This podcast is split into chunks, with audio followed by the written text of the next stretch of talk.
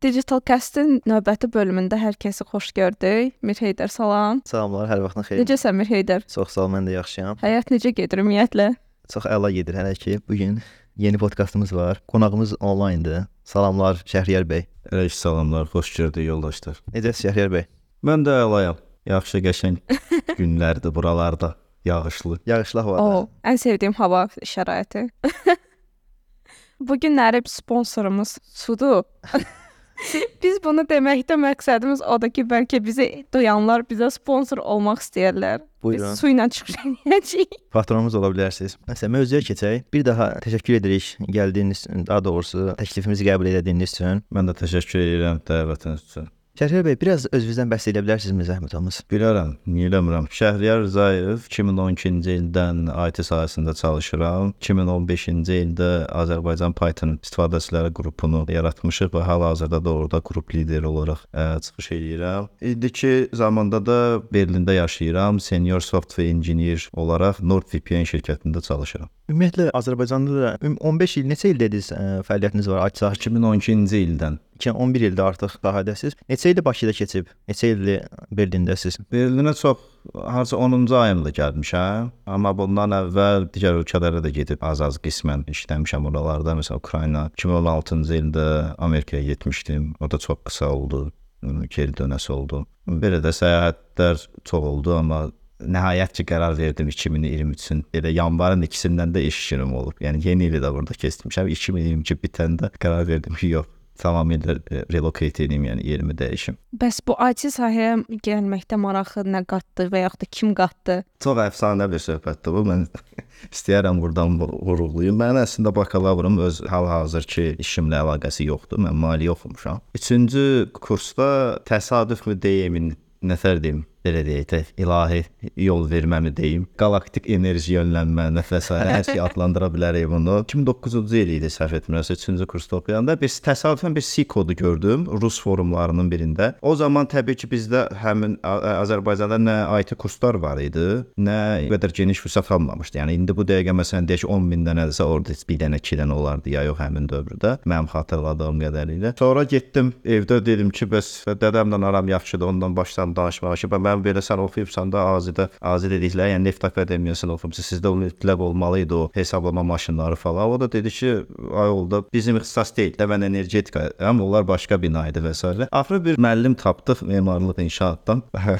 o da dedi ki, mən də bilmirəm o nə olan şeydir, sən izah eləyirsən mənə. Bəlkə Fuad müəllim bilər. Bakı dövlətdə. Axırı onun da nömrəsi tapdı. 5-6 nəfərə zəng eləyəndən sonra Fuad müəllimin nömrəsini tapıb ilk ilk ilk dəfə Bakı dövlətə ə, həmin əsnada gedib qədəm qoymuşdum ki, mənə öyrədin də bunu. Mən maraqlıyam, amma sən ingilis dilim var, rus dilim var, amma bilmirəm hardan başlayım. İxtisasım da uyğun deyil. Həmin dövrdəki çox təəssüf ki, bu Neft Akademiyasındakı o məlum terror hadisəsi baş verdi 2009-cu ildə. Allah ölənlərə rəhmət eləsin. O dövrdə də bütün universitetlərdə çox ciddi ciddi belə nəzarət gücləndi. Mən əvvəl gəlirdim iqtisadın tələbə bileti ilə Bakı dövlətə daxil ola bilirdim. Ondan sonra məni orada bir 200 dəfə tutdular, bir dəfə də izahat falan verdilər. Hər dəfə də bəhanə gətirirdim ki, məsələn bir dəfə deyirdim ki, mən burada bir xanımdan xoşlanıram, onun dalınca gəlmişəm. Bir dəfə dedim ki, məsələn bura bir 50 manat borc vermişəm bir nəfərə onun dalınca gəlmişəm, amma üçüncüdə keçmədi. Mən sərt xəbərdarlıq elədilər yəni bir də gəlmə. Elə də mən bu necə deyirlər, kursa getmə şəraitim sonlandı. Amma mən artıq reysə düşmüşdüm 1-2 ayın nəticəsində və sonra taplar tapdım, nə bilim, başladım belə öyrənməyə. Yəni girişim belə olub. Çox belə azal-azalı səslənsə Maraqlıdır əslində, yönləndirə-yönləndirə gəlirsiniz. Əslində fikir vermişəm ki, IT sahəsinə və yaxud da proqramlaşdırmaya gələn şəxslərin oxuduğu bakalavrla heç bir adiyyətləri yoxdur. Çox adamda %80% deyə bilərəm ki, belədir. Köhnələrdə belədir, amma yenilərdə məncə elə deyil. Yenilərdə yenilərdə də belədir deyə bilərəm. Belə düşünürəm ki, məncə ailə daxili məsələn müzakirələrin nəticəsi də ola bilər. Çünki məsələn mən deyirdim ki, mən Qafqazı yazacağam, ora gedəcəm. Mənim evdə dədəm deyirdi ki, "Ay, Qafqaz özəldir. Orada elə bir söhbət var idi xalq ki, bəs özəlin diplomu falan filan. Bağlana bilər. Də götürdük, yazdıq hə. har- Yaxşı da bal yığmışdım yəni. Elə də Neçə bal? deyil. 600 ofsusla daxil olmuş. Və gözəl nəticə. O da niyə niyə o qədər yığmağa cəhd edir? Çünki qardaşım 673 yığmışdı. Baskı var idi üstünüzdə. bütün bütün o motivasiya ona idi ki, sən onu keçəsən. Yenə də keçə bilmədim. A- Amma yəni heç olmasa bir necə deyirlər, şərait oldu ki, ən böyük motivasiya oldu ki, mən cəhd elədim. Şərhər bəy danışdınız biraz, amma mən bir sual yaranda hansı dillə girmisiniz proqramlaşdırmaya? İlk yazmış olduğum dil C dilidir. Daha sonra C++, daha sonra İngilizcə Java-ya dalmışdım. Köhnələrdən. O da Ramin Orucov var. Bizim lisey məzunudur o da. Diyanət Vakfı lisey məzunuyam, TDV, BTL. Bizdən çox sinif yuxarı idi, amma sağ olsun hər dəfə o qədər mənasız suallar versəm də həmişə cavablandırırdı və nəhayət ki 200 nəfər maraqlı şəxslərin toplandığı bir icma qurmuşdu. Ora gedib baxırdım, eləyirdim. Sonra təbii ki, ortada əskərlik gəldi. Mən 1 il fasilə verəsi oldum. Hər şey yaddan çıxdı. Sonra qayıdandan sonra bir də təzədən artıq artıq Linux, MySQL və s. bu yöndə. Yəni proqramlaşdırma yox, ilk karyera başlanğıcı mənim sistem admin kimi başlayıb. Sistem yəni, admin Linux admin və database admin kimi. Bəli. Sonra necə oldu keçdiniz softverə? Belə deyək, əslində dərhal keçid eləyə bilməmişdim mən softverə. Daha sonra marağım yox idi. Mən 4 il QA kimi işləmişəm. Quality Assurance Engineer kimi. 3 il bir Amerika şirkətində, 1 ildə bir Finland şirkətində remote olaraq çalışırdım. Daha sonra marağım software testing, bəli, test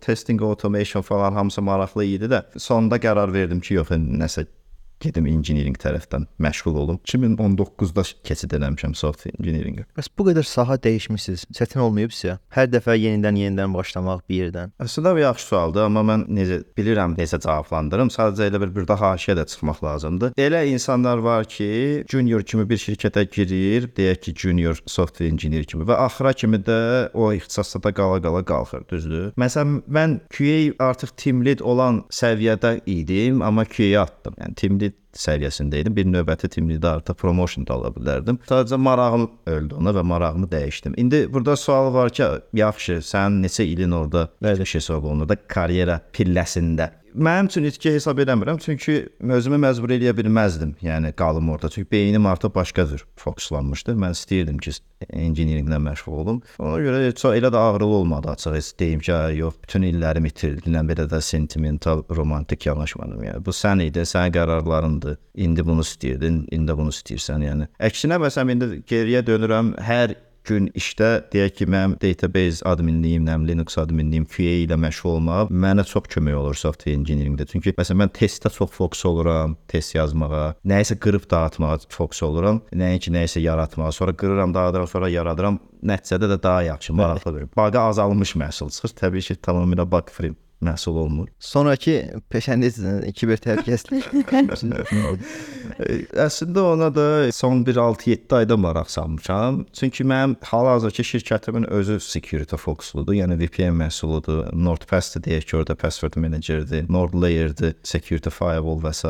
Təbii ki, tim daxilində və ya da hər yerdə dəqiqə başı security security eşidəndə o bir növ sizin o alt yaddaşınıza və ya da hər yerə yazılır. Amma cyber security çox geniş zonadır. Mən içəri daxil olandan sonra başa düşdüm ki, yəni bunun da bir deyək ki, 50 növ hadisəsi var. Amma mənim fokusum hal-hazırda API və web hacking üzrədir. Yəni web API pen testing üzrədir. Amma təbii ki, mən özümü görmürəm ki, deyək ki, mən bir də software engineeringdən pen testerə keçid eləyim. Bir, ona görə görmürəm ki, baxıram ki, məsələn, bu yaşda olması bir şeydir. Çünki mən təzədən bir də software engineeringə keçid eləyəndə mən birbaşa elə middle kimi keçid eləmişdim. Amma indi mən gərək junior pen tester olum. Junior pen tester 3 dəfə aşağı maaş, aşağı düşür, düşür deməkdir. İkinci şey odur ki, siz eyni keyfiyyətdə şirkəti tapana qədər bir o qədər də il keçəsidir, ağrılı olar deyə düşünürəm. Amma çox maraqlıdır həqiqətən, yəni o API və security yönümlü proqramlaşdırma mənim gözümü çox açıb. Əvvəl məsələn yazıb yazıb gedirsən, indi bir fikirləşirsən ki, okay,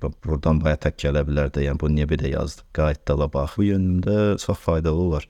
Hər şey şünas deyə adlandıra bilərəm əslində özümü. Çünki daha bilmədiyim, nə bir ara hətta bu Cisco-nun hardware-sini falan qurdalayırdıq, edirdik. Yəni hər şeydən biraz biraz biraz. Əslində yaxşı bir şeydir. Bir hər şeydən biraz-biraz bilmək sizin üçün də xeyirdir. Çünki beyin hər tərəfli inkişafı gedir də, mənim fikrimcə. Məncə yaxşıdır, amma birində yəni, ki, pro olmaq lazımdır. Ya fokuslanmaq. Təkcə birinə fokuslanmaq məncə də düz deyil də, yəni sadəcə Məncə də düz deyil ki, təkcə birinə fokuslanmaq və o fokuslandığın bir şeyin üzərində getmək. Çünki ətrafına onda fikir vermirsən. Bu hə həyatda da belədir ki, yəni həyatda da nəyəsə tam dəqiq fokuslanırsansa da artıq qıraq şeyləri görmürsən, qıraq bucaqları görmürsən ki, qıraqda nə baş verir. ədəbiyyatda da lazımdır. Məsələn, Şəkər bəyin örnəyində kiber təhlükəsizlik. Eynən, eynən. Nə bilim, əslində nə bizdə atalar sözü var ya, atalar sözü deyil, səhv etmirəmsə, Nizami Gəncəvidən idi. O kamil bir palantı olsa da insan məsələn, yaxşıdır yarımsı papaqçılıqdan. Yəni belə şeyləri götürsə, yəni deyərlər ki, hə, ki, əslində bir şeydə getmək lazımdır. Mən hə- şəxsən insanlara da bir yöndən həsəd aparıram. Çünki məsələn bizdə ekspertlər var, deyək Oracle admin kimi başlayıb 15, 16, 17 ildir eyni sahədə və bütün möhtəşəm o yuxarı səviyyəli sertifikatlar falan filan. Bunun nə qədər çətin bir proses olduğunu mən həqiqətən özümdə anlayıram. Çünki o dedication, o fokus, daimi izləmək o hadisələri, daim. Çünki məsələn bir müddət sonra məsəl üçün deyirəm də backup automation qurulub düzdür. O həqiqətən də çox ciddi prosedur öz üzərində iş tələb edir ki, sən onu məsələn 10 ildən sonra yenə də ayda bir dəfə yoxlayasan. Həqiqətən Böyük məsuliyyət düzgündür ya yox. Yəni böyük məsuliyyətdir. E, həmin insanlara da buradan atəşli salamlar göndərirəm. Onlar bizim ilk yolu açanlar həmişə onlar olublar. Məsələn Kamran Ağayev var, hamı tanıyır. Kitab yazmaq olsun, xarici ölkələrdə konfranslarda çıxış eləmək olsun. Sonra təbii ki, biz də gəlirik. Amma yəni çap fərqi var da belə deyim. Mən hələ kitab çap eləməmişəm. Bu arada yəni ki, Şəhriyar bəyin özünün YouTube kanalı var, Dev Internals. Orada live-lar açır. Yəni çox maraqlıdır. Mən də bir neçəsinə baxmışam. Eşq olsun, yaxşı ki birinə. Baxıram. Hər həftə sonu biz keçidirik onu, amma yəni belə deyək də 7 nəfər falan qoşulur. Ey deyil, yəni həvəsim mənim sönmür, çünki mənim özümə maraqlıdır bu. Həm də məsələn indi elə təsəvvür edək ki, 2 il sərasər bu live-ları mən hər həftə eləsəm, da görün nə qədər resurs toplanacaq Azərbaycan dilində. Yəni indi olmasa da 5 il sonra onun praktik dəyəri bilinəcək. Yox, son zamanlar yəni maraq artmağa başlayıbdı. Yəqin ki, tez bir zamanda qalxar. 5 ilə də çəkməz. Türklərdə çoxdur əsas mən izləyirəm məsələn Can Dəyər, bilmirəm tanıyırsınız yoxsa yox. O da Hmm. qəşəng commu- community-si var. Orada belə qəşəng mövzular müzakirə edirlər. Orada əhali sayı çoxdur. Onda Onda təsiri insan var. potensialı daha yuxarıdır. Bir də belə deyək, xasiyyət fərqi var. Baxmayaraq ki, eyni Oğuz qrupudur, amma yenə millətlərini sevmir. Böyük, böyük, böyük xəssiyyət fərqi var. Bizdə biraz bilmirəm, yəni o ekosistem oturmalıdır. Yəni live-a getmək. Məsələn, çünki siz live-a boş vaxtınız var deyə gəlmirsiniz. Bütün dünyada live streamlərə baxanlar bilir ki, gamingdən söhbət getmir. Bunun yəni o xəstəsi olmaq lazımdır bütün günü izləmək. Məsəl üçün deyək ki, hansısa bir hacking qrupudur, onlar hər dəfə bir live açırlar və orada dəhşət çox insan gəlir oturur, ekspert də oturur. Adamın 30 illik təcrübə var, o da gəlir. Onun ora gəlmə səbəbi o deyil ki, nəsə öyrənəcək oradan. O başa düşür ki, həm də geri verməlidir hansısa bir məsuliyyəti. Yəni geri ödəniş eləməlidir bir e, maddi yox, mənəvi surətdə geri ödəniş eləməlidir. İkincisi, onlar həm də gəlirlər ora ki, birdən iş şayət live stream eləyən insan, moderator və yaxud da ki, speaker ilişər hardasa, onun təcrübəsi məndən aşağıdır axı. Mən ona kömək eləyim orada tez. Kömək əlimi uzadım ki, o daha samballı keçsin onun live streami. Yəni belə çox incə düşünmək lazımdır belə deyək. Ən əsası məsələn mən elə burada Berlində qruplar var. Onlar hər həftə sonu meetup üzərindən yığılırlar, eləyirlər. Yəni məsələn snakların, pivələrin falan alırlar, gələ qoşulurlar kollektiv şəkildə hansısa live-a, orada baxırlar. Və yaxud da onlar bir qrup açırlar, onlayn qoşulurlar, amma mütləqdir ki, o ənənə qorunur deyək ki, başlarınızda bir nəsə badə qaldırılır, sonra başlanılır şeylər. Onda belə çıxır ki, onlar bekardır. Elə deyil. Adamlar hə- ən samballı şirkətlərdə işləyirlər. Sadəcə bir ənənədir. Yəni o sizdə Bizdə hələ formalaşır. yaramıyor da o ki, sistem qurulmayıb, oturuşmayıb belə belə. Yaradacaq da. Yəni Elə başlayaq elə open source community-dən. Sizin open source community nə vaxtdan dediniz fəaliyyət göstərir? 2015-ci ildə biz onu qurmuşduq Cahangir Şəbiyevlə bir yerdə. Sonra Cahangirin fokusu dəyişdi, adam yəni həvəsi olmadı. Tamamilə liderlik keçdi mənə. Amma yəni ilkin başlanğıcda mənim yadıma gəlir ki, deyək ki, lahmacun falan alıb nəsə Python kod yazırdıq.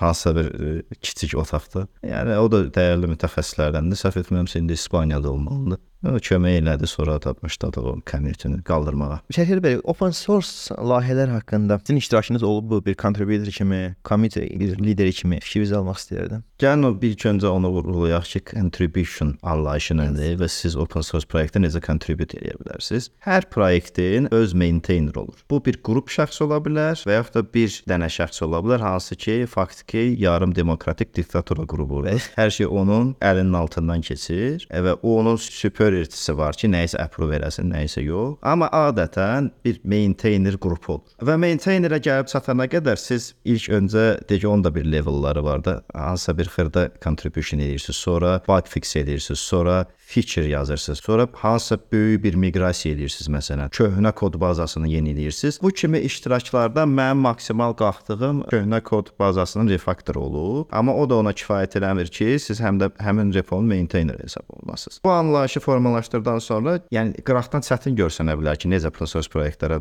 daxil oluruq, amma ən primitiv deyək ki, dokumentasiyasını oxuyursunuz həmin proyektdən və gördünüz ki, orada hərf səhvi var. Ərinmədən pull request açın, göndərin ki, yəni burada typo var, burada hərf səhvi var, burada məntiqi səhv var. Məsələn, göstərdiyin kod mən run elədim lokalda, heç elə işləmir. Çünki adətən nə olur? Deyək ki, yeni versiyada kod dəyişir, dokumentasiya geri qalır. O da adam əsəbləşdirir. Dokumentasiya həmişə up to date olmalıdır. Hə bu onlara çox kömək olur. Həm də bu maintainer üçün və yaxud da ki, repo owner üçün bəzən %90 hallarda çox primitiv iş olur. Yəni o da elə düşünür ki, dədə və indi hərf səhvi düzəldim? Nədir də mən ona fokus ola bilmərəm bu dəqiqə mən feature yazıram. Sənə o prioritet kimi gəlir, amma ona yox. Ona görə siz ona həm də kömək eləmiş olursunuz ki, hərf səhvini düzəltməklə. Bu çox əhəmiylidir. Ümumiyyətlə contributor axtaran open source proyektlərdə issue-ları labellayırlar. Məsələn, qoyurlar ki, good first issue, easy to fix, looking for help. Məsələn, bu kimi labellar qoyurlar. Bu kimi labellı issue-ları açıb, səni oxuyub başa düşmək olar ki, burada diqqət olub ya yox. Yəni burada development gedib ya yox. Yoxdursa, dərhal ora yazırsınız ki,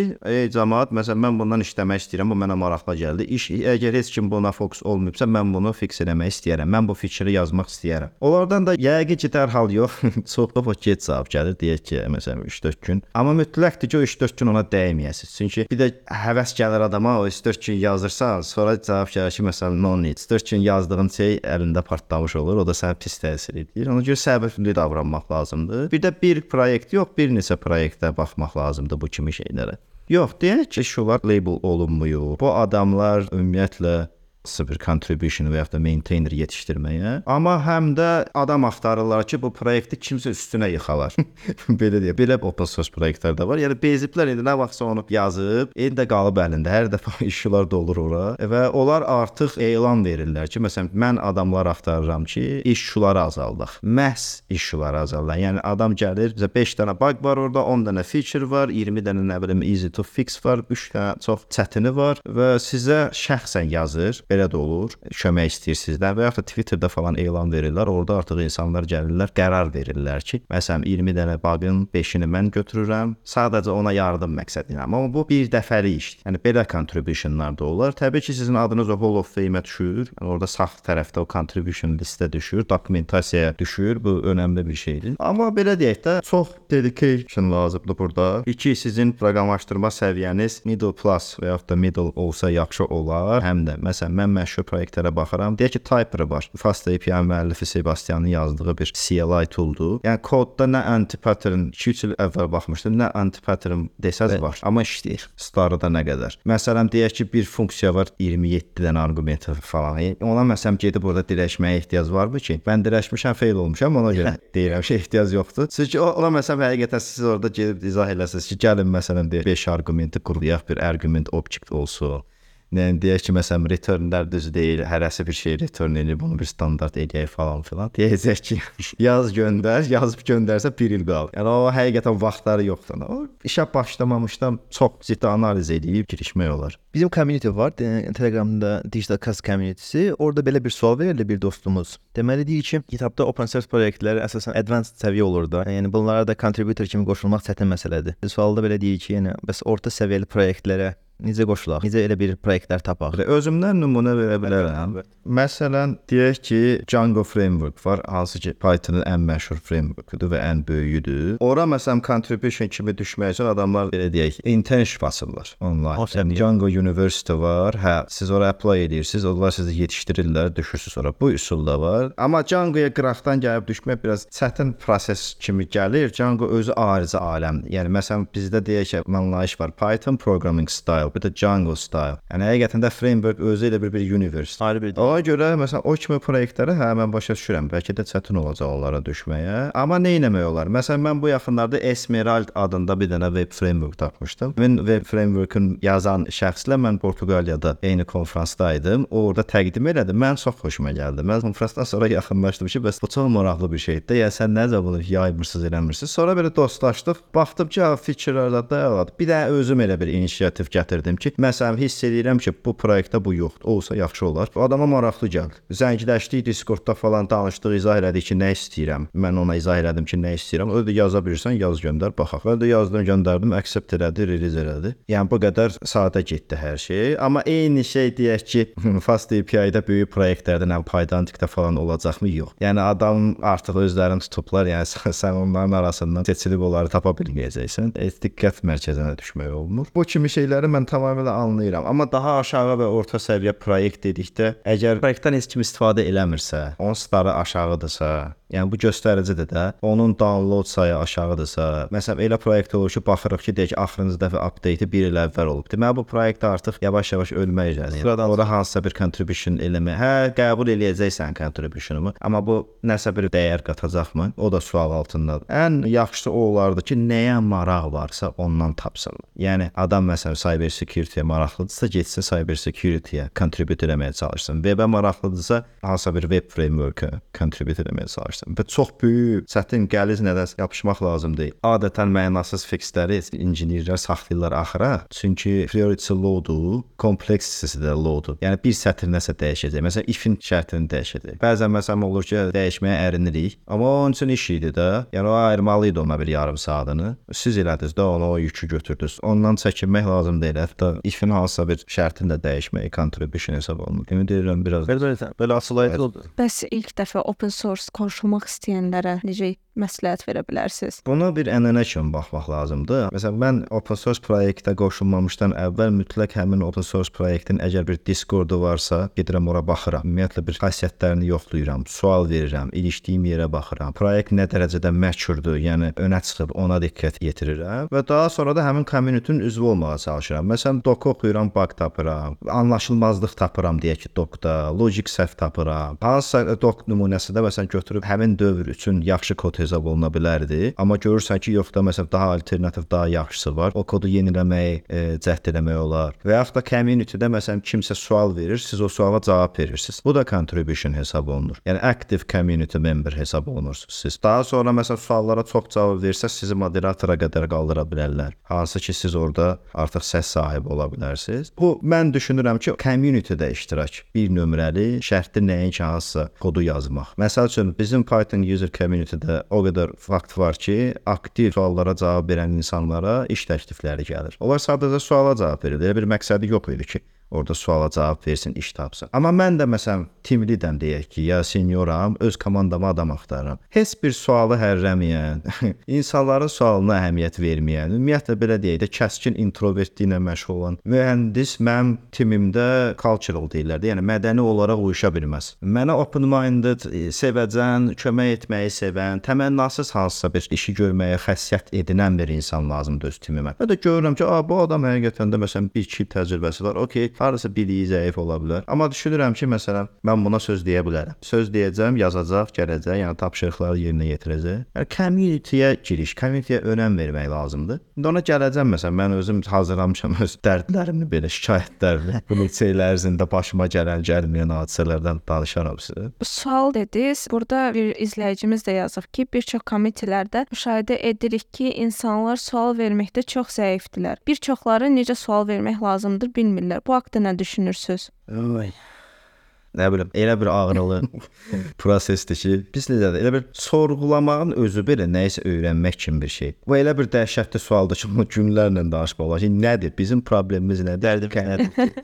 Dərdimiz nədir ki, ə, öz dərdimizi izah edə bilmirik. Sualı düzgün formalaşdıra bilmirik. Niyə, harda, necə, kimə sual verməyi tapmaqda çətinlik çəkirik? Düşünürəm ki, bunun bir səbəblərindən biri cəmiyyət olaraq sorğulamağın başını buraxmağımız. Yəni təbii ki, kimisə dediqodusunu çox gözəl eləyirik. Məsələn, onun bunun işinə yaxşı qatışa bilirik, amma sorğulamağa gələndə biz özümüzü sorğulamaq, sualı verməyi sorğulamaq, mən nə istəyirəm, nə etmişəm, özüm bir araşdırma eləmişəmmi? Ümumiyyətlə, məsələn, sual verəndə community-də gəlirlər, hə, birinci söz budur, salam necəsiniz? İndi gəlin, məsələn, belə ki, 1000 nəfər üzv var da, hər gələn salam necəsiz yazanda, okay, yaxşıyam, hə.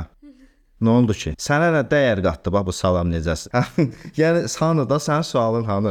Gözləyirlər məsələn. Sonra orada burada danışılır ki, salam verdik, salam alan olmalı. Bura bilmirəm, yəni bu community salam yurdudur mu?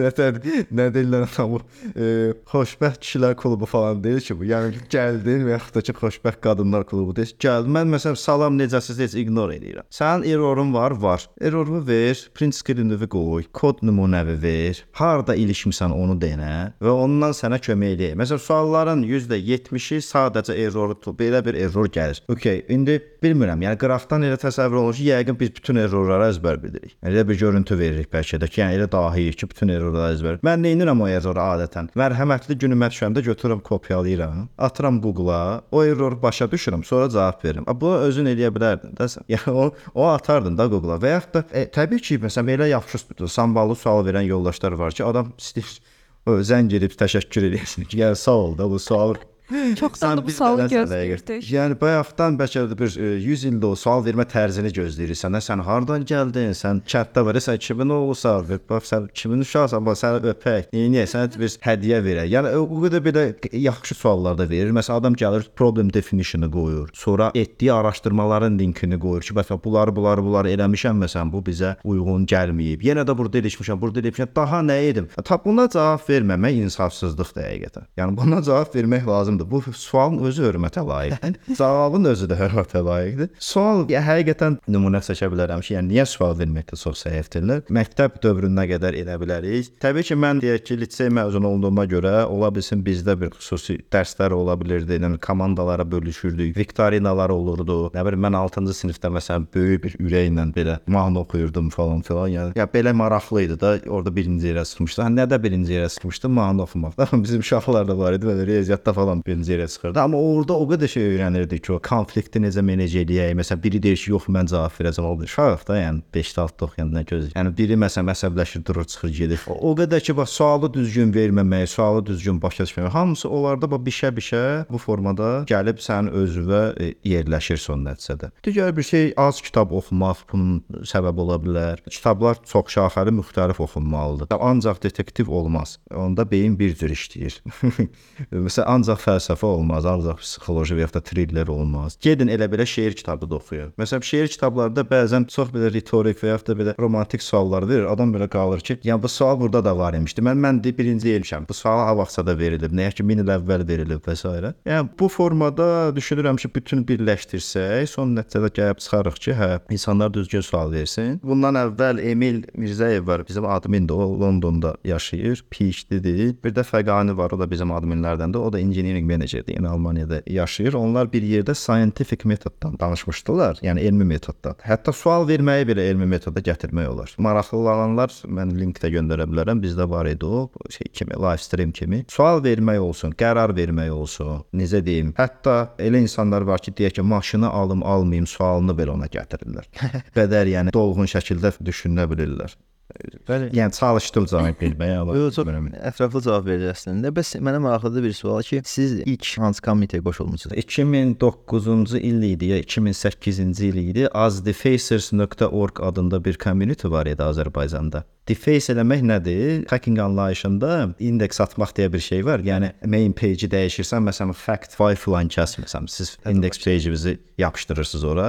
Bu özü kifayət qədər böyük hack hesab olunur. Çünki mən onun serverinə düşüb oradakı indeks HTML-i dəyişə bilirəmsə, deməli artıq serverdəyəm də. Yəni ilk qoşulduğum community o hesab edirəm. Orada maraqlı AUB niki ilə qoşulmuşdum. C++ belə şeylər yazırdım, mini kodlar yazırdım və forum tipdə idi. O vaxt forumlar çox məşhur idi. Çox maraqlı community idi. Yəni o qədər şey öyrənirdik oradan ki, təbii ki, orada uşaqlar var idi, həqiqi true hackerlər idi. İşləri gücləri məsələn ən çox rus, erməni falan saytlarına ilişirdilər. Nəsə bir elan edirdilər də orada deyək. Ən sevdiyim, ən belə yadda qalan community o idi. Və indi bu dəqiqə özünüz də community başçısınız da, idarə olunması barədə, orada yaranan çətinliklər falan filan. Onlar barədə danışmaq istəyirsiniz. Elə gəl ona görə gəlmişəm. Əsas ki, bəlkə bəlkə kimsə eşidər bizim dərdimizi. çox maraqlı bir şeydə danışıb sizə. Bizim qrup qaydalarımız var Telegram qrupumuzun. Və çox detallıdır. Altında onun resurslar qoymuşuq. Nəyi eləmək olar, nəyi etmək olmaz, hamısını detallı yazmışıq və pin də etmişik o mesaj. Ən belə çox qəribə belə reaksiya aldığımız qaydalardan biri odur ki, biz istəyirik ki, insanlar tam ad soyadı ilə qoşulsun community-yə. Məsələn, nök nö nöqtə kimi düşməsin kimsə sual verəndə də. Sual verir, baxırsan ki, nöqtə. Yəni məsələn Sual verir, baxırsan ki, X. Yəni okey də X müəllim, nöqtə müəllim. Yəni axı mənim adım Şəhriyar Rızayev. Bilmirəm yəni niyə ad, soyad niyə gizlədilir hələ də mənə Ola bilsinlər ki, heç- elə bir qurumda işləyirlər ki, adlarını demək olmaz. Mən də özü tam ad soyadımı yazmamışdım, community-də yazdım. Sonra xəbərdarlığımı aldım. Xəbər Bəxtiyar var, o Estoniyada qalır. O biraz mən də eləsəm məni də cəzalandıra. Bu qayda qanunu sevən adamdır. Ona görə gəldi xəbərdarlığını elədik. Ad soyadı elə- Məsələn sizin dediyiniz şeyə bir çıxaq da haşiyə. Məsələn adam deyir ki, mən elə bir qurumdayam ki, ad soyad yazmaram, düzdür? E, yaz ora ki, Əl Abbas Əl Abbasov. Niyə nöqtə? Yəni mənim həqiqətində fərqi yoxdur. Sən həqiqətində Əl Abbassan ya yox. Ona görə yox, Əl Abbas yaxşı oğlan deyil və yaxud da ad pisdir. Ona ona görə ki, mən sadəcə tab eləyəndə və yaxud da görüntü olaraq istəyirəm ki, ad soyad görüm orada. Xanımları başa düşürəm ki, okey, bəzən olur ki, deyək ki, ad soyadlarını nə bilim gizlətməyə meyilli olurlar, nə bilim şəkil qoymurlar və s. Yəni olsun, sən adın mütləq deyil ki, deyək ki, Gülnar filan kasıb olsa. Adın dəyiş də, yəni Leyla qoy. Əliyeva Leyla qoy, nə bilim Məmmədova Leyla qoy. Nə istəsən qoy da ora, yəni adını qoy ora və onun üzərindən nəsə biz bilək ki, sənin adın soyadın görsənir. Ən çox, ən çox trip atmalar burada yaşanır. Ya başa düşə bilmirəm. Ə, hətta bizim Emil, adam PhD-dir, Londonda yaşayır. O bizə lütf eləyir, öz vaxtını ayırır. Mən adımın kimi yəni Almaniyada yaşaya-yaşaya bunu başa düşürəm. Ondan xahiş edirəm mən nəyəsə bir şey eləyəndə. Çünki o həqiqətən jest eləyir bizə. Amma bu adamlar ərinmirlər. Onun inboxda gecə saat 2-də yazırlar ki, niyə bu qayda var? 12 saat vaxtını aparırlar. Axırı yazıb bezib mənə yazır ki, bu nədən? Bəlkə bu qaydanı dəyişdirəm yox, dəyişməyəcək bu qayda. Bu qayda orada olacaq qalacaq. problem deyil ki, bunu problemə çevirirlər. Yəni məntiqlə məsələ də götürsək, orada. Bilmirəm, bəlkə biz də başa düşmək olar. Mən nəsə ad soyadımı yazmaq istəmirəm, bilmirəm niyə. Yalnız fərqli şey yazar. okey, onda Yəni- sənə sual veririk. Niyə? Bunun cavabı, cavabı olmalıdır. Niyə ad soyadı Security. yazmırsan? Hansı qurumda işləyirsən?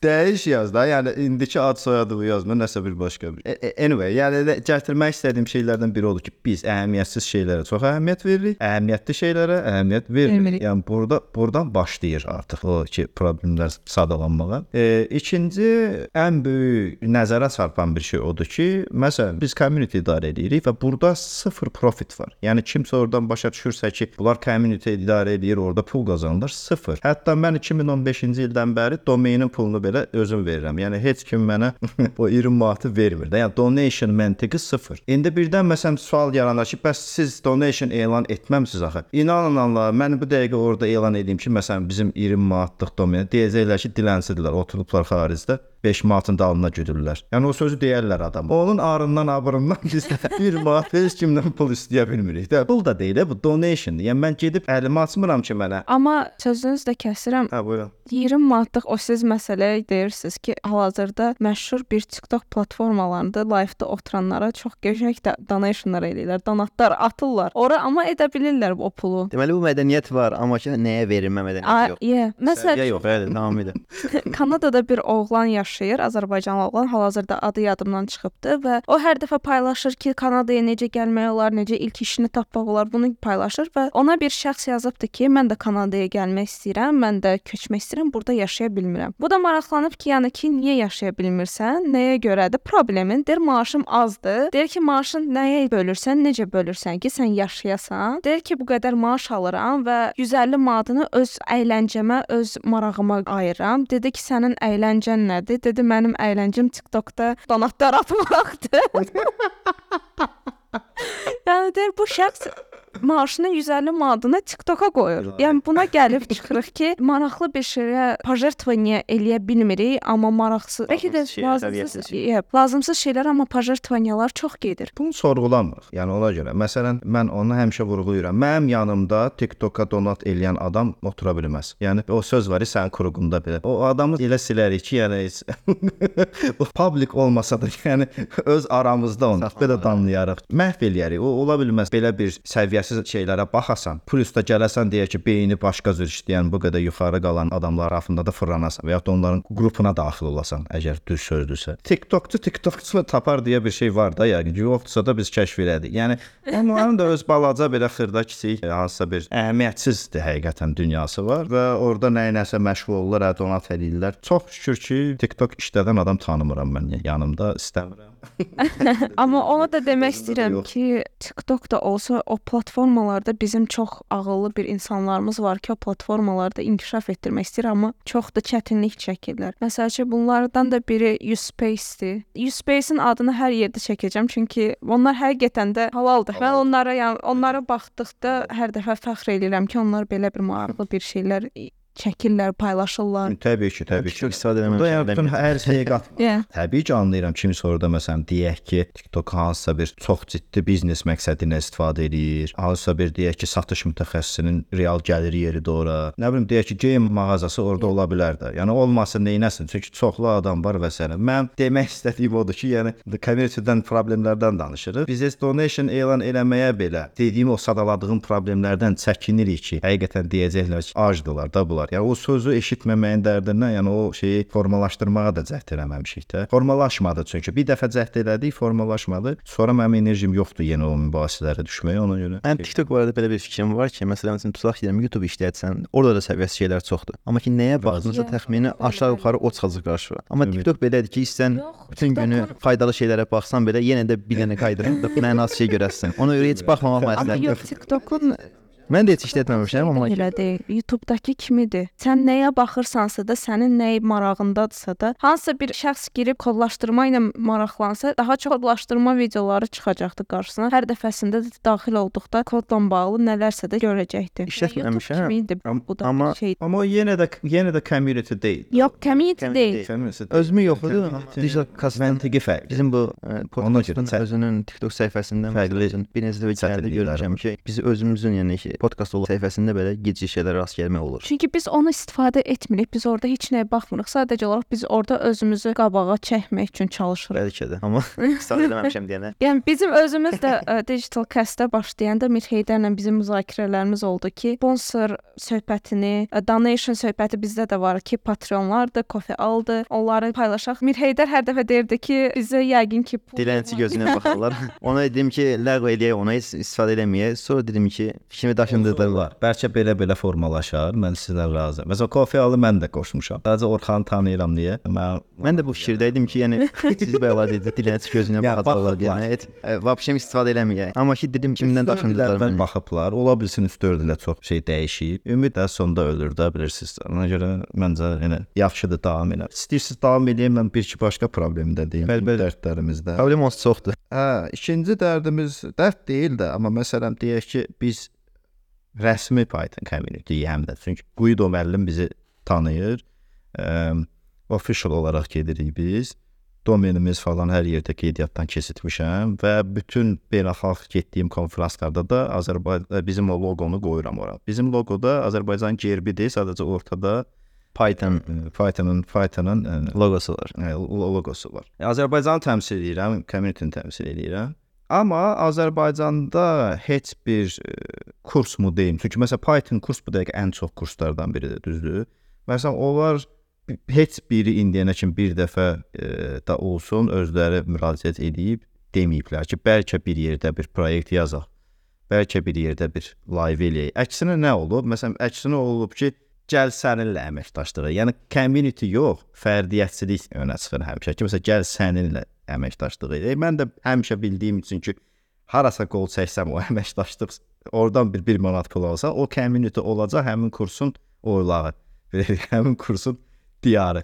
E, Bu da mənim şəxsi mənəvi nə deyirlər, özümə eləmərəm. Elə e, eləsəm də bunu pulla mı eləmərəm. İkincisi də ki, community-yə xəyanət hesab edirəm bunu. Çünki gəlib baxan istənilən adam görər ki, orada neytralitet.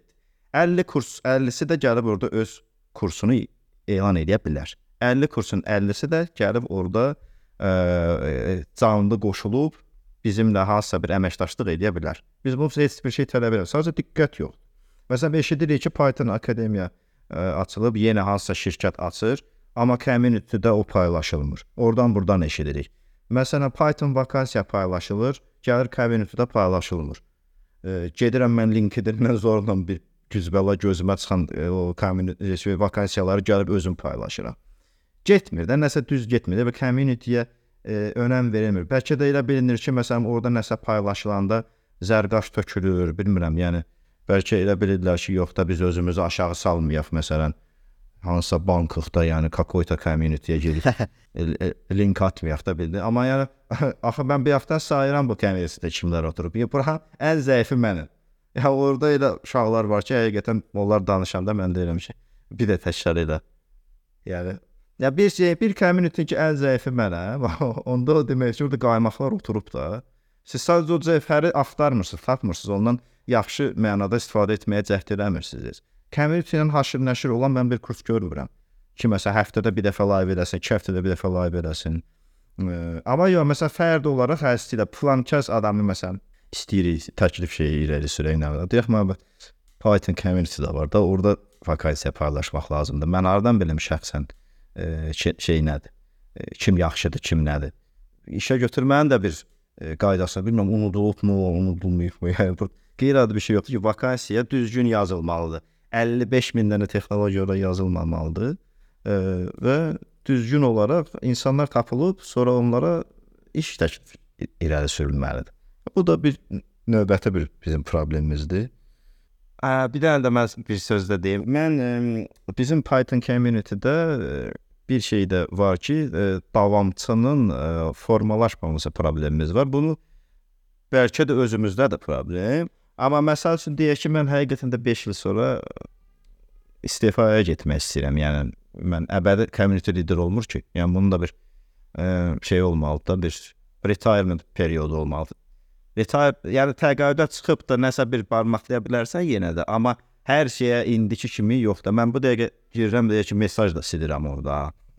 Xoşuma gəlməyən nəsə mesajını, yaxud da ki, tamada olaraq məsələn baxıram ki, Diktatorluq qa- adam qoşulub məsələn deyək ki 6 ay əvvəl deleted accountlar da yığılıb e, Telegramı açıb silib, onun orada qalmağın nə mənası var ki? Yəni say artırmırıq ki. Onları silməklə məşğulam. Bot yazmışıq, avtomat silir, nə bilim, şey soruşur, e, captcha falan soruşur, amma yenə də belə is- istəyərdim ki, həqiqətən də canı könüldən belə e, community sevgisi olan bir insana əvvəl-axır bunu təhvil verim. İndi başqa admindir, moderatordur falan bizə kömək edirlər o yoldaşlarda, amma onlara da bütünlüklə bu yükü yıxmağı düzgün hesab edəmirəm. Hələ ki fəaliyyət görürəm. Bəs bu community idarə edilməsində də məsələn öz sövhələrinizi verirsiniz m, bacardığınız qədər cəmiyyətə. Bəs bu community-yə ə, bu peşəkar ə, iş həyatınız arasındakı bu balansı necə qoruyursunuz? Bu open source layihələrə yəni istəyir ki, töhfəniz olsun kod cəhətdən, istəyir belə community-yə, yəni ki, yardımlaşma qrupunda bu cür olsun, istəyir də belə. Burada bir, bir iki strategiya izləmək olar. Əgər sizin şirkət daxili timdə və yaxud da pozisiyanız deyək ki, engineering menecerdir, tech leaddir, team leaddir və s. formalaşdırmısınızsa, ə, çox böyük məsləhət olardı ki, siz ə, open source community-yə geri dönüş etməyi tim daxili bir culture, mədəniyyət kimi formalaşdırasınız. Bu da necə? Məsələn, elə təsəvvür edin ki, sizin 50 dənə tim üzvləriniz var. Siz open source layihələrdən istifadə edirsiniz. Sabah gəlirsiniz, elan edirsiniz ki, baxın, biz open source layihələrdən istifadə edirik, sayımız da 50-dir. Gəlin hamı bir nəfər kimi gedək ona star ataq GitHub-da. Gedək o proyekti like eləyək. Plus 50 star həmin proyekt üçün çox böyük əhəmiyyət kəsb edə bilər indiki mənada.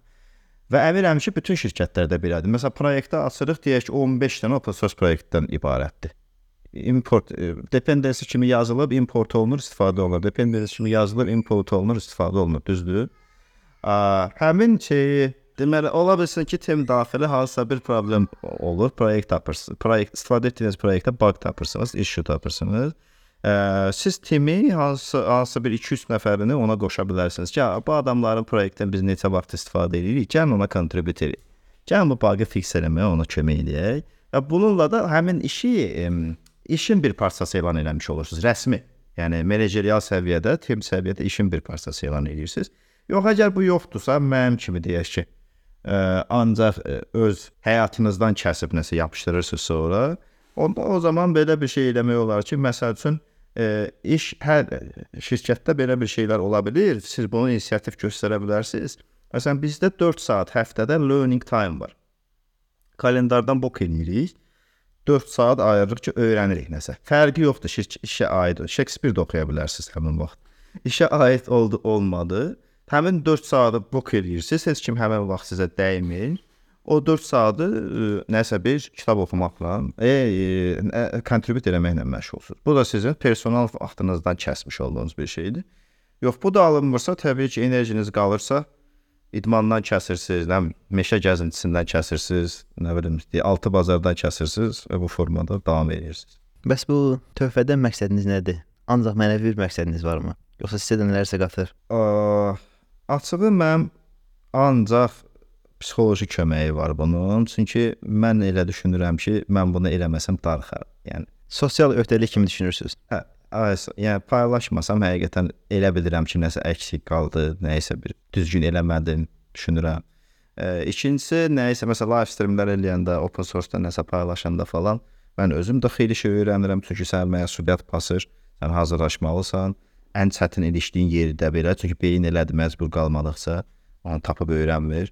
Tez bazar onu da öyrənib gəlib hazırlıqlı şəkildə ə, paylaşırsınız. Amma burada mən bir ə, çox ciddi bir yerə toxunuram. Ə, mən CV-də qeyd edəndə ki, mən community liderəm. Plus mənim YouTube kanalım var, live streamlər eləyirəm, konfranslara gedirəm və s. O adamlar ki, hansı ki məni intervyu edir, onların üzündəki ifadənin necə dəyişdiyini mən görürəm. Yəni respectful ifadə deyirlər də, onu elə bir əvvəl məsələn o düşünürdüsə ki, "Ə, bu adi kandidatdır, adi namizəddir. Gəlib burada deyək ki, ona sıxaq suyunu çıxardaq və s.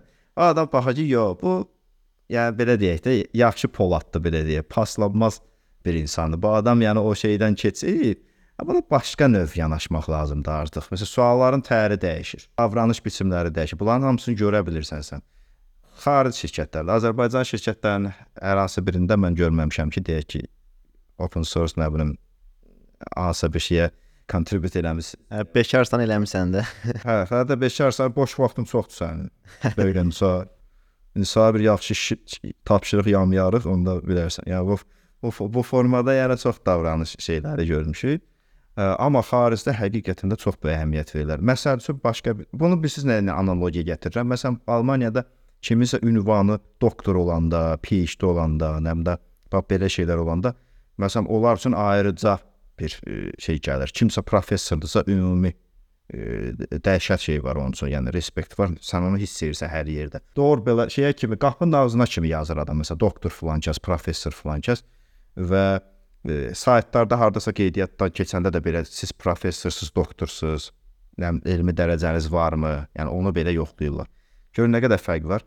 Yəni belə faydaları olur təbii ki, amma birbaşa maddi mən heç bir e, oradan gəlir əldə etməmişəm. Ancaq və ancaq bilmirəm, xoşuma gəlir də. Yəni mən eləməsəm kim eləyir? Bu dəqiqə məsələn mən tərk eləsəm, əminəm ki, o komitədə batıb gedəcək təbii ki, məndən sonra kimsə ə, qaldırıb yetişdirməsə və yaxud da ki, ora hansısa yəni o o qədər ə, suallar gəlir ki, mənasız, boş-boş. Mən onları filtr eləməklə məşğulam, silməklə məşğulam. Yəni görsəniz mən bilmirəm, görün indi hansısa bir sosial şey idarə edən səhifə adminləri nə yaşayır da, mən elə texniki nəsə ida idarə edirəm, bu əzabı yaşayıram. İnanılmaz dərəcədə dəxlisiz, səviyyəsiz, nə bilim təhqirlərlə dolu nələrsə də bir iki dəfə olmuşdu ki, gəlib community-də. Bilmirəm Python community-də niyə gəlib insanlarımızı e, yəni bizi söyüb gedirlər. başa başa düşə bilmirəm, yəni nədir problem. Heç nə də eləmirik açığı elə zülm oturmuşuq. Hələ bizdən bir çox belə belə deyək, o e, el dili ilə deyir, dili var, ağzı yox, deyə ağzı var, dili yox, nəsə belə bir şey var. Yəni elə bir sakit bir insan var. yaxşı mütəxəssis Zülfüqar. O, yazığı elə ortada söylemişdilər. Yəni adam adam adam yazmış ki, "Bə mən niyə söylədilər?" Deyirəm, "Mas, nə bilim, boş ver." Heç eləməmiş. Heç eləməmisən. Sən elə yəni yaxşılığından da, başa düşdün belə sakit adam olduğuna görə baxıb kişiyə bu tollardan da elə onu da onu da onu da qatmışdı bizə. Qalmışdıq belə yəni o deyir əli ağzında qal. Belə durmuşuq ki, yəni belə qalsa nə oldu axı yəni? Nə oldu? Nə, Nə baş verdi? Hə, nə baş verdi? Niyə oldu? Hə, Bizdə var o belə çətinə düşən kimi yoxdur. Mən ən son çarə söyüşdə söy. Sizin bu community'də biraz yararxıya var da yəni. Admin var, menecerləri var. Sizdə də biraz diktatorluq var da düzdür? Bu bizim community'də bir dinləyicimiz yazıb ki, Guido Van Rossum'un ömürlük xeyirxah diktator adını qəbul etməsi və bunun Python community'yə təsiri haqqında nə düşünürsüz? Bir dinləyicimiz belə bir sual verib. Yəqin o sizin community'dəndir. Ha, yəqin ki bizdəndir, çünki bilir nə sual verib. belə deyim, mən məsələn lider hesab olunuram. Emil Fəqani adminli statusu var və Bəxtiyarın da moderatorluq statusu var. Um, amma burada belə bir şey var ki, məsələn, mənə ən çox elə nə orada Emil gəlir. Məsələn, tanıyır, nə Fəqani bir söz deyir, Bəxtiyar bir söz deyir. Mən e, onları həm çox istəyirəm, həm də ki, e, belə deyək, bilirəm ki, həqiqətən də öz sahələrində mükəmməldirlər və nə deyirlərsə o e, düzə çıxır. Etiraz edəsən də axırda baxıram ki, vətdə elə düz çıxdı bunların dediyi oldu. Ona görə hə, amma başqa üsulda işləmir açığı. Yəni yarı demokratik diktatura rejimindən başqa işləyən hansısa bir sistem mən görmədim. Sınadıq. Məsələn, burada səs vermə qoyursan, səs verməyə heç belə nə bilim göz yaşı tökən də olur da belə deyək, heç əhəmiyyət də verən olmur. Nə yoxdur. Ə, səs vermə qalır orada. Yəni 8-9 neçə nəfər üzv var, 5 nəfər səs verir. Elə mən özüm qərar verərdim də orada. Yəni biraz belə interaction yoxdur o səs ver. Etinasız yaraşırdılar da. Etirazsız yanaşılır çünki adət elədir də. Əhəmiyyət vermirlər çünki inanmırlar ki, deyək ki, mən elə başa düşdüm ki, onların səsinin nəsə bir təsiri olacaq. Amma amma bizim community-də var o təsir. E, məncə insanlar səs vermələrdə iştirak edə bilər. E, ik ikinci bir e, nüans odur ki, bir damcı boşluq görən kimi oradan çox fə faciəvi surətdə çaxırlar. Yəni məsələn, boşluq oldu ki, deyək ki, qaydalar sərtləşmir, yüngülləşir, bardaq olur. O şey demiş. Yəni boş-boş suallar çata dönür qrup, nə bilim gəlirsən ki, aytda da bir gün boş qoydun, yəni e, aləm dəydi bir-birinə. Məcbursan, yəni o həmişə o belə deyək də o bu xalqların idarə etmələrin traktatları yazılır da, deyək ki, çörək və qılınc, nə bilim, qılınc və qələm və s. E, bizdə belə dəyişə-dəyişə e, idarə edir. Bəzən bəzən qılınc və qələmdir, və bəzən də nə bilim, Ancaq qılın. ancaq qılınc, qılınc və qılıncdır. Yəni belə bu formada bir tər e, şey edə bilirik, e, idarə edə bilirik mövzunu. E, bu Guido-dakı düşünürəm ki, normal gedişatdır. Çünki Linus Torvalds var Linux aləmindən. Onun da belə bir şeyi var. E, Linux əməliyyat sistemini yazan adamdır. Onun da belə xüsusi şeyi var. E, superior ixtiyarı var. Nə, nələrsə qərar verməyə. Guidon-da əgər belə bir qərar veriblərsə, düşünürəm ki, ziyanlı olmaz. Açığı çünki Microsoft-da işləyir. Python-a bu dəqiqə ən çox invest edən şirkətlərdən biri Microsoft-dur. El- bildiyim qədərilə əvvəl Dropbox-da idi, indi Microsoft-dadır. Ə, Yəni onun PSF-dəki hüququndan danışmaq məncə daha düzgün olar. Bu Python Software Foundation. Orda məncə artıq elə elə də superiority yoxdur. Çünki mən baxıram ki, e, onun o getdikcə qərar verici kommentləri olsun, getdikcə qərar verici e, işlərdə e, e, fikirləri olsun, onların payı azalır. Məncə bunu qəsdən eləyir. E, və hər dəfə də release menecerlər yenilənir. Mən bunlar bunlar çox əhəmiyyətlidir. Yəni yeni qan gəlir, yeni yeni mühəndislər götürülür. Ə, xüsusən bu son dövrlərdə cyber security-yə Python önəmi art- artırıb. Ə, çünki JavaScript aləmində ən çox bu baş verib, Node.js aləmində. Çünki ə, orada məsələn o qədər vulnerable paketlər olur ki, kimsə məsələn open source adı ilə qoyur ora, sonra sən ondan asılı vəziyyətə gəlirsən, sonra da səndən xəbərsiz içini dəyişir, dəyişib backdoor atır. Ə, içini dəyişir hansısa bir vulnerable əlavə bir e, kod qoyur və sən xəbərin olmur bundan. ə, belə şeyləri, insidentlərin qarşısını almaq üçün ə, ayrıca cyber security, security engineer daha doğrusu ə, işə götürüblər. Ə, düşünürəm ki, bu elə də bir şey. Yəni fikrim budur ki, nə edək? Yəni adam oturub orada, yəni işi yüzü odur da. Məncə layiqlidir. Fa- Fightını yazan odur. Həmişə contribute edib. İndi də ən böyük bu per performans Python performans problemləri ilə məşğuldurlar Microsoft-da. Ə, O da böyük işlər görür. Mən də o qədər iş görsəm, mən də deyərəm ki, burada mənəm. Yəni biraz diktator olmaq lazımdır yəni. Başqa yolunu görmürəm də, çünki okey mən anlayıram ki, yəni qıraqdan məsələn görsənir də deyək ki, hə, ə, Amerika həm demokratikdir, Almaniya, Fransa və s.